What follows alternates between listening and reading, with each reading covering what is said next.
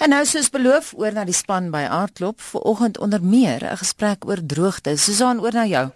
Dankie Anita. Ja, saai ses regstreeks uit van die ATKV Boekoase in Potchefstroom uh, by die Aardklop Kunstefees uit.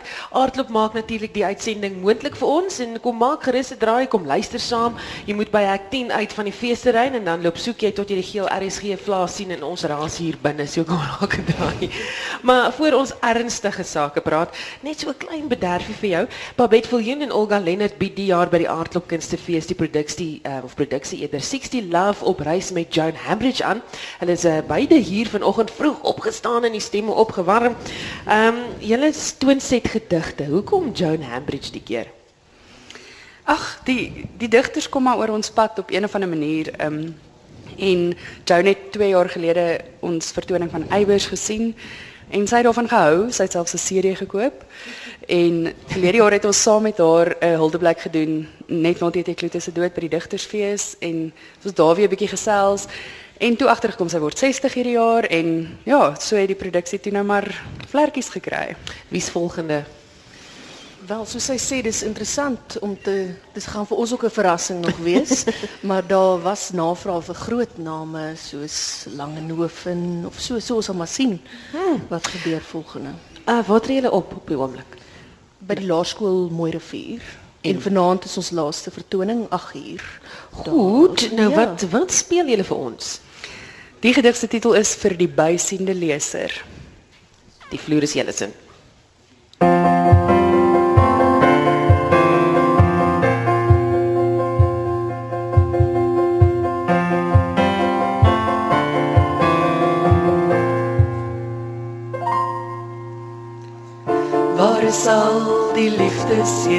Al die jye met wie ek stry? Waar is al die dooie see, al die kuste op 'n ry. Waar is al die reise heen, al die stempels so gekry. Waar is al die gedigte en al die besoekings uitgebrei. O waar bly die pyn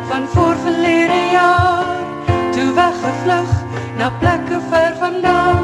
In Porto Mont of Machu Picchu Havana of die Exrivier Vallei. In Porto Mont of Machu Picchu Havana of die Exrivier Vallei. Bly elke jy. In klip versteen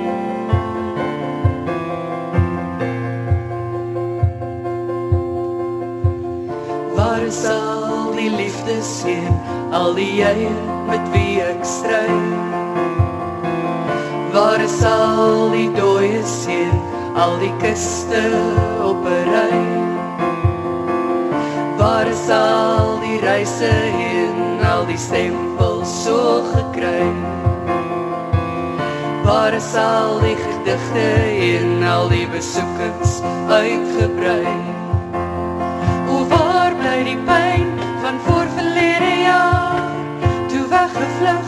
Na plekke ver vandaan in Porto Mont of Machu Picchu Havana.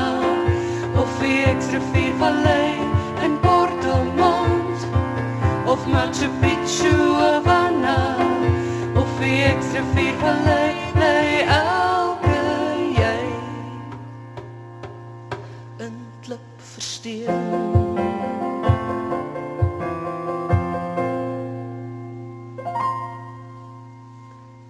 Fantasties klank daarvan Babette Viljoen en Olga Lennard is regtig engelklanke julle so vroeg in die oggend en uh, jy sit hier op 'n baie interessante ding. Ek moet net eers uitvind wat dit is. Dis 'n kagon en ek het hom net so ekstra kickpedal bygegee. Mag mens dit sê op RSG? Ja, wat? Ja, ja, nee, wow, baie pragtig. Baie dankie dat julle gekom het so vroeg.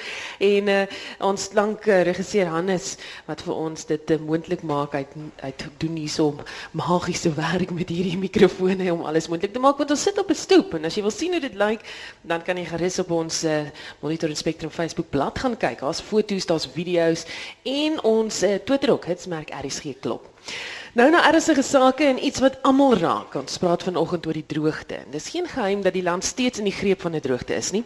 Die Vaaldam wat water aan groot gedeeltes van die land soos Gauteng verskaf is reeds onder 30% vol. Ek dink hy het op 29,3 gestaan toe ek laas gekyk het. Ehm um, dit kan al laer wees. Die droogte bedreig ons water en voedselsekuriteit en ons uh, om met ons te praat daaroor stand van sake, landbouekonoom van die uh, eh, NWI, Dr. Flippie Kloete en 'n droogtekenner van Senwesttuins. Groblaar, welkom hier vanoggend so vroeg in die koue buitende potjliggie. Ehm, um, daai se gaan by jou begin. Hoe het die droogte oeste sover beïnvloed? Goeiemôre Susan, goeiemôre luisteraars. Uh hierdie droogte het groot dele van ons somerreënval gebied ernstig uh, geraak. Uh eerstens is dit die eerste keer in 'n baie, baie lang tyd wat ons nie die normale aanplantings kon doen nie. Dit was laas in 1972 wat ons minder as uh, of uh, uh, meer as uh, of minder as as, as 80% van die beplande aanplanting geplant het. Van jare was dit weer die geval. Sê dit is nie 'n normale verskynsel dat ons soveel minder plant nie, maar dit het gebeur as gevolg van laat reën en min reën het die uh, boere laat geplant, min heel wat minder geplant en dan het die die droogte en die uitermate hitte toestande gedurende Januarie ook die oes baie nadelig beïnvloed sodat ons 'n baie lae opbrengs uh uh gaan realiseer uh, en en dit het 'n sekere impak op op die omgewing waarin ons boere op die hoofveld. En uh, hoe gaan dit uh ek weet voedselsekuriteit beïnvloed dan? Nee, ver, verseker. Uh, as ek net na die finansiële kant kyk, weet volgens berekening is daar iets soos 'n 3 miljoen ton se mielies wat minder in die Vrystaat en Noordwes geproduseer uh, produseer is. En as ons teen 'n gemiddelde prys van 2500 rand praat, is dit 'n 10 mil, miljard rand wat minder in omloop in die twee provinsies het. En dan daarmee saam gaan die die neeweffekte. Uh die terugbetaal van van skulde, die besteedbare geld wat in die provinsie is en dan ook voedselsekuriteit. Nou daar is wel goed in plek gestel om voedsel in te voer, veral witmielies en geelmielies wat 'n probleem van jare is. Ons het te min geproduseer vir ons eie behoeftes en moet ons van die buiteland af invoer. Uh dit is nie elke jaar wat ons witmielies moet invoer nie. Geelmielies voer ons redelik gereeld in, veral na die na ons uh, uh kusgebied hier in in die Kaap. Maar witmielies normaalweg is, is ons self voorsienend, maar vir jaar moet ons invoer en die probleem is die goeder is duur in die in die wêreldmark wat maak dat jou uh, stapelvoedsel soos soos mielie, meel ensovoorts baie duur is. Hmm. Hoeveel reën sou ons nodig hê om oeste wat nou geplant is te red? Is dit nog moontlik? Ja, kyk die op die stadium is dit net die winteroes wat op die lande staan. Uh die lentereën het bietjie laat gekom en ek dink gaan die boere daar ook 'n uh, redelike opbrengsverliese kry. Maar daar is nie baie op die hoëveld ge, ge, geplant nie. Dis meestal onder besproeiing. Maar ons wag nou vir die aanplanting vir ons someroes.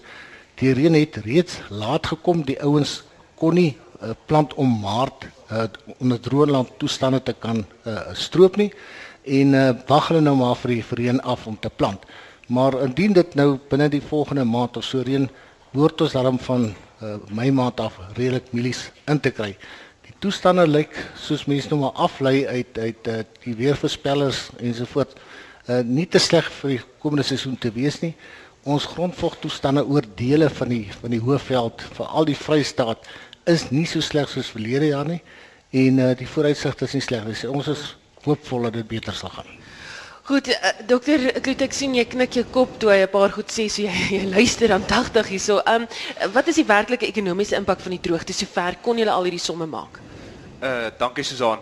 Ja, ek um, ek dink eers as ons begin praat oor die impak, dan moet ons besef die impak op verskillende vlakke. Ons sit met 'n direkte impak wat na verwys na produksie of spesifiek landbouproduksie, maar daar's ook 'n hidrologiese impak. As ons gaan kyk na watervlakke in ons damme en waterbeskikbaarheid wat weer 'n bietjie 'n weier impak het nie net op landbou nie, maar ook op ons nywerhede ensovoorts en dan natuurlik 'n sosiale impak of 'n sosio-ekonomiese impak eerder.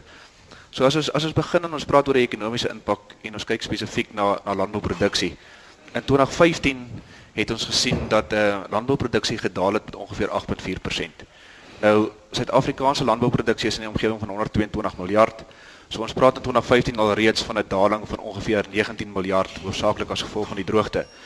Nou ons het nog nie daai syfers vir 2016 nie, maar as ek aan die vorige spreker daaraan geraak, ehm um, heidaglik wat ons gesien het landwyd in terme van ons aanplantings op op somergraangewasse is omtrent 25% af. Baie groot gedeelte daarvan was mielies, omtrent 'n 27% daling in die aanplanting van mielies landwyd, hoofsaaklik wit mielies. Ehm um, ons sit nie net met met laer aanplantings nie. As jy gaan kyk na die opbrengste landwyd, dan is dit omtrent 2.5% gemiddelde opbrengs laer. So dit gee vir ons 'n aanduiding vanuit 'n gewas 'n produksie oogpunt uit dat ons aansienlike impakte gaan hê. Inteendeel ons kan moontlik groter impakte hê as verlede jaar. As ons praat oor oor ekonomiese impak en ons gaan kyk na die lewende hawe sektor, dan praat hulle van 'n uh, van uh, ons ons huidige kudde getalle in Suid-Afrika is op die oomblik omtrent 15% laer in vergelyking met verlede jaar. Ehm um, hierdie daling in die kudde is as gevolg gewees van van ehm um, dood ag gedwonge slagtings. Ouens wat nie ehm um, wat dit nie kon bekostig om om diere op die veld te hou finansiëel nie en natuurlik as ook as gevolg van 'n gebrek aan veiding.